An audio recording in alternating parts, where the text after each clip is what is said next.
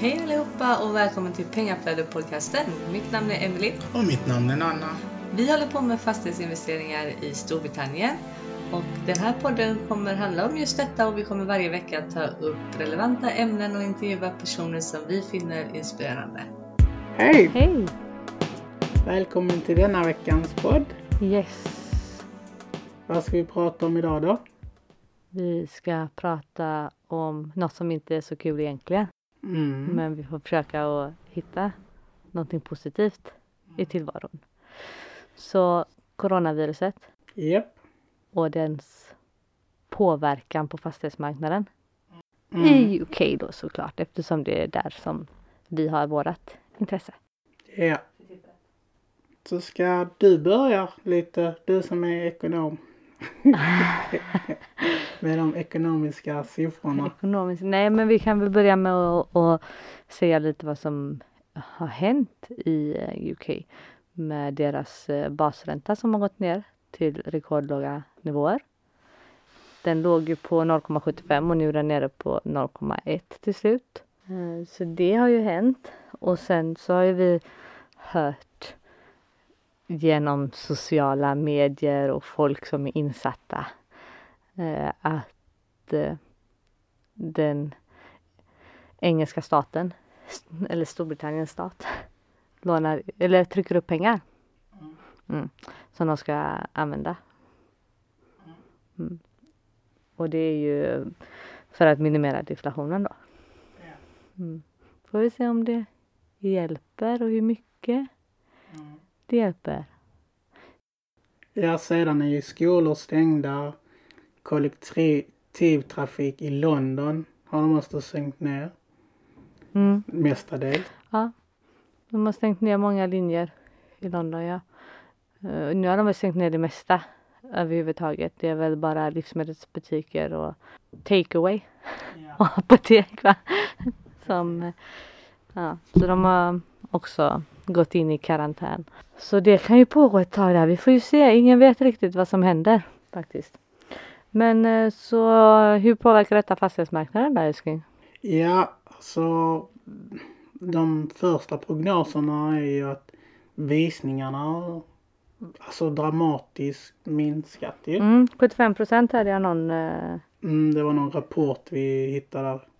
Och så det de försöker göra för att komma runt är att de gör sådana här virtual eh, tour och video tours för att folk vill ju inte gå på visningar nu när det är de här coronatiderna.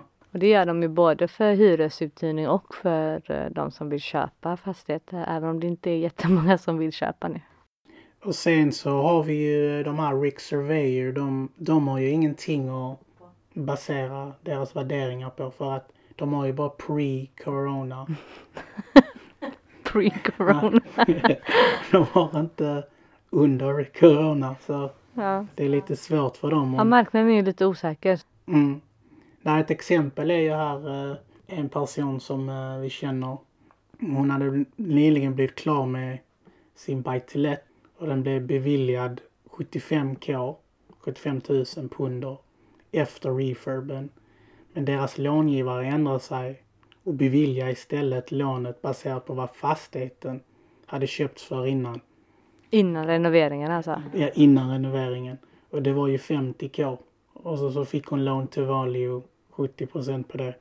Även om de tyckte att fastigheten var värd 75. Så de låste ju en hel del pengar i, plötsligt i, hos långivaren då. Men det är ju för att de inte vågar. Nej, precis. De vet inte vad som kommer ske. Så man märker ju att eh, marknaden är lite ostabil kan man väl säga. Eh, ingen riktigt vet vad som ska ske. Nej. Men eh, det gör ju att man har lite spelrum att förhandla också. Ja, det har man. Så man kan ju förhandla billigare priser med byggarna till exempel. Ja. De har inte lika mycket jobb kanske.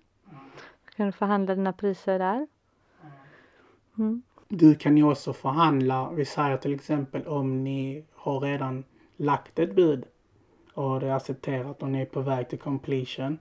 Så kan ni ju förhandla om det lite för att förutsättningarna har ändrats.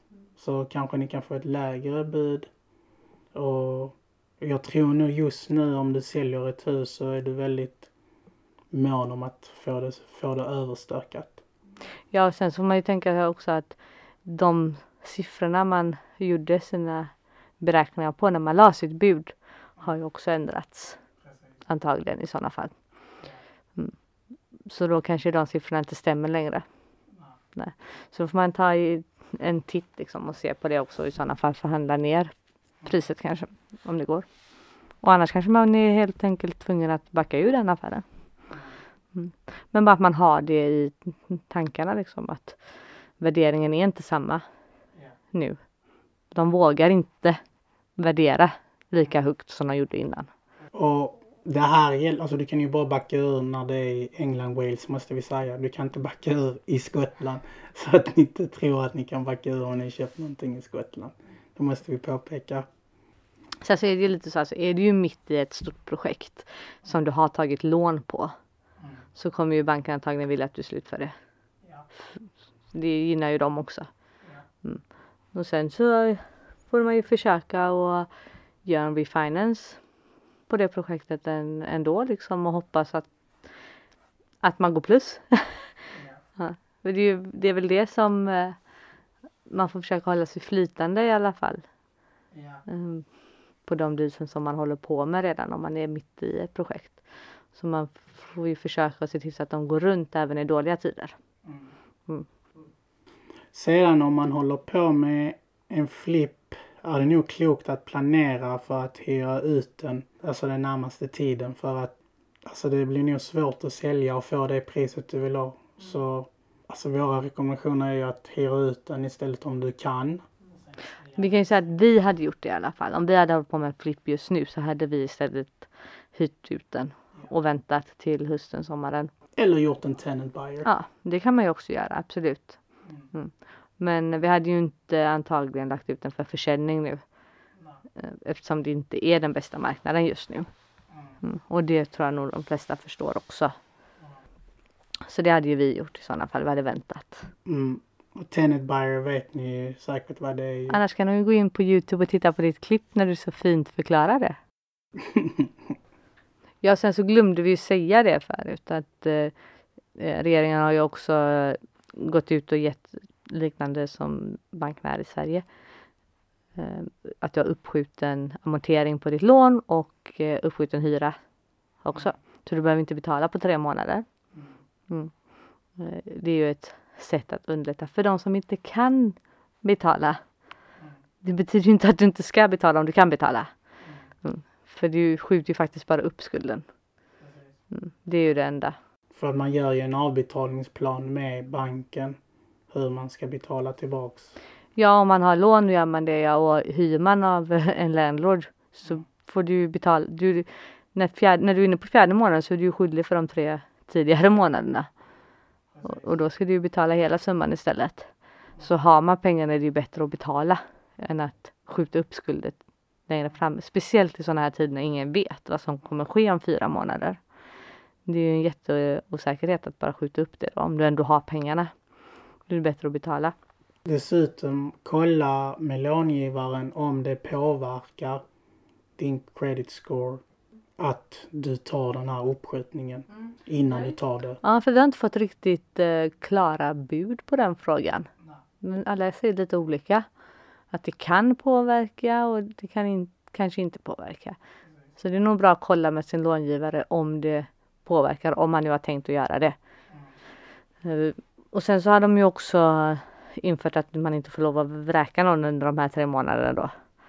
Mm. Det betyder ju inte att du, kan vräka, att du inte kan vräka någon månad fyra. För det kan du ju. Så det är ju helt onödigt att bete sig som en att ha hyresgäster som beter sig som idioter i tre månader också för du kan bara vräka dem fjärde månaden sen. Mm. Eh, för då får du ta upp det igen liksom. Så visst att det tar lite tid och du förlorar pengar men du blir av med dem till slut ändå. Så det är inte hela världen. Nej. Och det är väl kanske mest om man har eh, HMOs som man är riktigt orolig för att folk inte ska betala. Och att du ska ha flera rum i en HMO som står obetalt. Mm. Och sen så ska du kräva in de pengarna och då kan det bli lite knivigt kanske. så kanske även uppmana sina tenants att faktiskt betala om de ändå har pengarna. Så länge de i alla fall har jobb. Alltså HMO kan ju annars vara både en fördel och nackdel nu i de här tiderna. Men en del människor blir ju faktiskt tvungna att downsiza sitt boende. Om de behöver dra in på sina utgifter. Men samtidigt så kan det också vara en nackdel då på grund av det här viruset som är så smittsamt. Att folk inte vill helt enkelt vill bo ihop. Mm. Eller dela liksom, kök och toaletter och sånt med andra. Mm. Det finns ju både fördelar och nackdelar som sagt.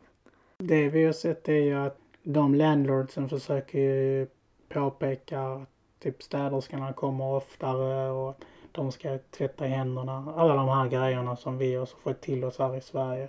En av våra samarbetspartner, deras spanska tenant hade ju blivit tvungen att åka tillbaks till Spanien. Så det är en massa grejer som händer ju. Mm, man kan få voids, tomma rum. Mm, av andra anledningar som ändå är, har kopplingar till coronaviruset. Mm. Än att någon är sjuk. Absolut. Och det som många har gjort är ju också att de eh, rear ut rum. Mm, och väldigt gärna rear ut det till sjukvårdspersonal. Vilket är en väldigt fin tanke ändå. Mm. För att de behöver ju faktiskt någonstans att bo när de åker runt hela länderna för att jobba och hjälpa till. Mm. Då kan man då låta i alla fall gå runt så att man överlever genom att ändå hjälpa dem med boende. Varför inte liksom?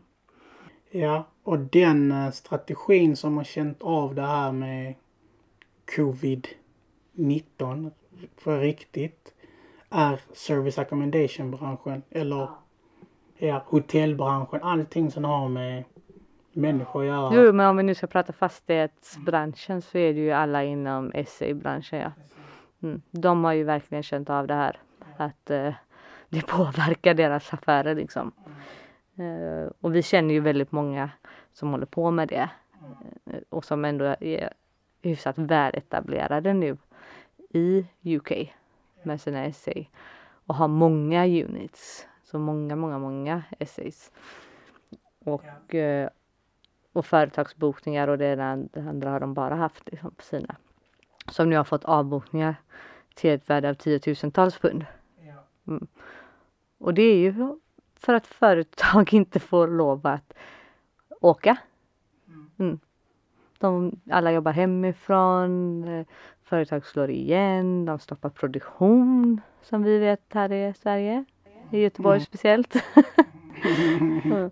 Så det finns ju många olika anledningar men de har ju förlorat tiotusentals pund på, i avbokningar liksom. Mm. Men då, det, det finns ju lite olika saker som man kan försöka göra om man nu sitter med en essay ändå. Även om det kanske känns som att det inte är bästa tiderna just nu att ha en essay. Mm. Man kanske inte ska starta en ny essay. Nej, det hade jag nog avrått. Men eh, om man har en så finns det ju vissa saker man kan ändå försöka göra för att överleva den här tiden. Ja, så det vi har sett, de vi känner, de gör det till en eh, isoleringsunit. Mm. Så typ, vi säger om du har corona eller om du är rädd att du kanske har det eller om du jobbar med människor som de här sjukvården.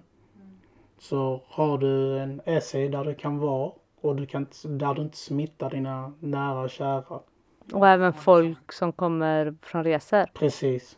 Så det är ju en bra strategi som eh, folk har snappat upp.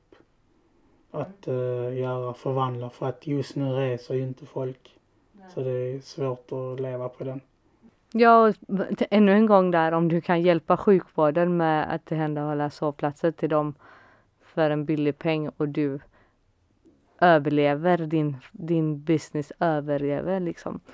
Då är det ju, får vi väl kalla det en win-win i det, i det här fallet liksom. Allt handlar egentligen bara om att överleva nu, alltså om du har vad du än gör tycker jag. Ja, och en sak till som man kan göra om man har en service accommodation är ju faktiskt att man kan göra om det till en vanlig buy to let. Så man kan hyra ut den på en AST. Eller hur? Mm. Tills den här perioden eh, är över, vilket vi hoppas är rätt snart, men det vet vi ju inte. Har man ljus class C3 som man oftast har. Då kan man ju bara göra om det till en buy to let och hyra ut det. Eh, och det har ju till exempel inte ett hotell möjlighet att göra för de har inte den ljusklassen. Nej. Nej. Så där har man ju en fördel mot, i den branschen liksom mot stora hotell. Mm. Ja och när vi ändå pratar om hotell så där kommer ju lite möjligheter antagligen komma upp framöver. Som vi inte tänkte på från början men vi har hört talas lite om det. Inte bara hotell, pubbar också. Allt. Det kommer komma en hel del möjligheter och det tänkte vi gå in lite på nu. Ja, först vill vi börja med att säga att ingen vet vad som kommer ske. Kom ihåg att detta inte är en finanskris utan en pandemi. Det kan och kommer antagligen påverka marknaden framöver på olika sätt. Ja det kommer det antagligen göra. Mm. Eh, Det kan vi ju nog eh, vara överens om.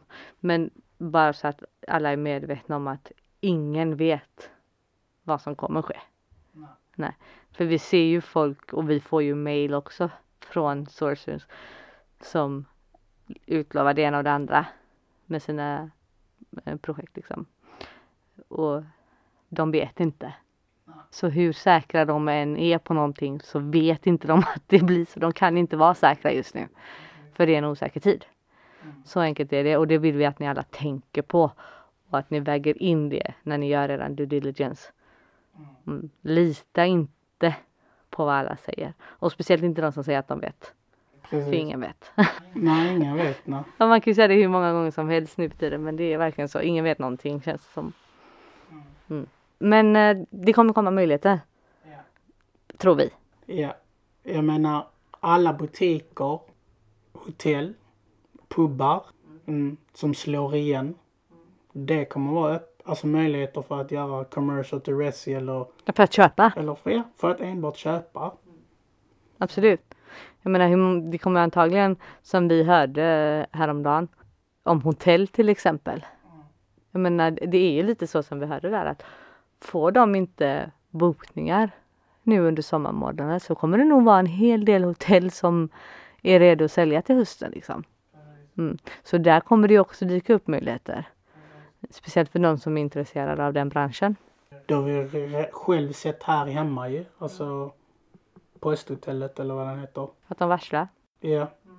Och det är bara för att de, de vet ju inte. Ingen, nej men de har inga bokningar och ingen vet vad som händer framöver. Nej. Absolut. Så det, är likadant i Storbritannien. Om ni har ju pengar, som vi sa, kapital. Så om du har is i magen. Ja, vi är ju lite tidiga eh, i den här dippen. De har inte riktigt dippat än priserna. Men eh, som du säger, om man har is i magen och kapital så kommer möjligheterna komma. Mm. Så det, det kommer ju antagligen bli bra tider för att köpa. Och vi hoppas på det. Och för att jag menar om du har kapital och även om du inte får från långivare eller bridge och så vidare. Så, och du köpt allting med cash, då kan du vänta ut stormen. Och sen när det vänder igen så lägger du ett bolån på det. Och då får du tillbaka sina pengar. Så vi tittar lite på det där om, om möjligheterna kommer. Så stay liquid. ja, det är, det är bra att ha kapital till- tillgängligt sådana här tider. Absolut. Mm. Man kan köpa på sig. Mm.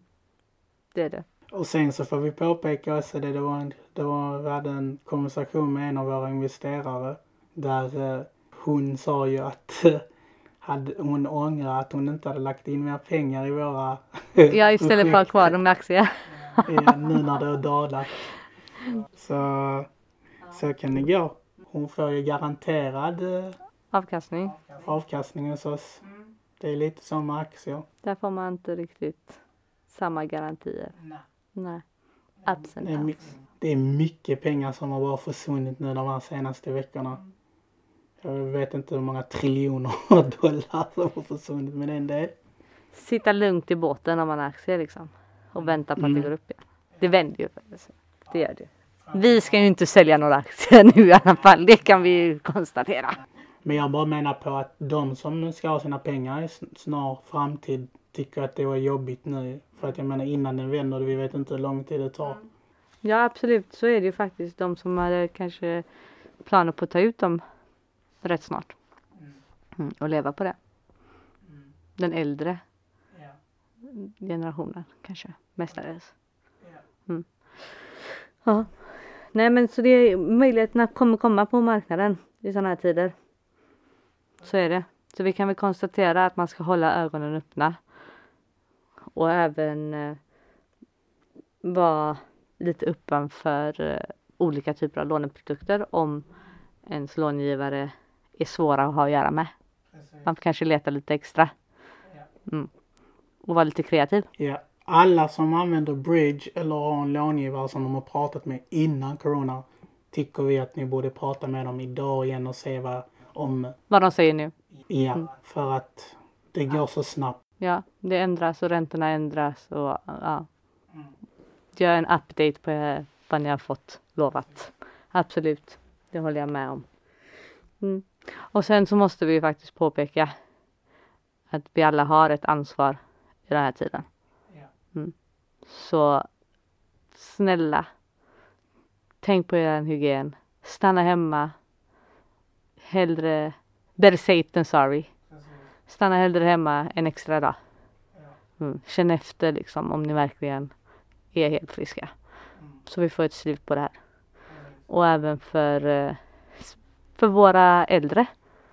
Mm. Där ute. Man får faktiskt eh, visa lite solidaritet här nu. Jättebra sagt älskling. Och med det så rundar vi av. Så stay safe. Stay safe. Don't be stressed. Invest som vanligt. Exakt. Och nästa vecka är det Joel. Spännande avsnitt. Han eh, tycker om att resa, investera. Eh, han bor i Stockholm faktiskt. Så jag tror ni kommer tycka om det avsnittet. Fast han är från UK. Han är från UK. Så det är på engelska, det är inte på svenska. Precis. Men eh, jag tror många kommer tycka om det avsnittet. Speciellt den yngre generationen. Ja, han är rätt ung. Ja, 29. Så lyssna nästa vecka på det. Japp. När ni ändå ska vara i karantän. Ja. Nej, men ta hand om era, ta hand om era eh, äldre i familjerna. Tänk på dem. ja. Dela gärna. Likea oss.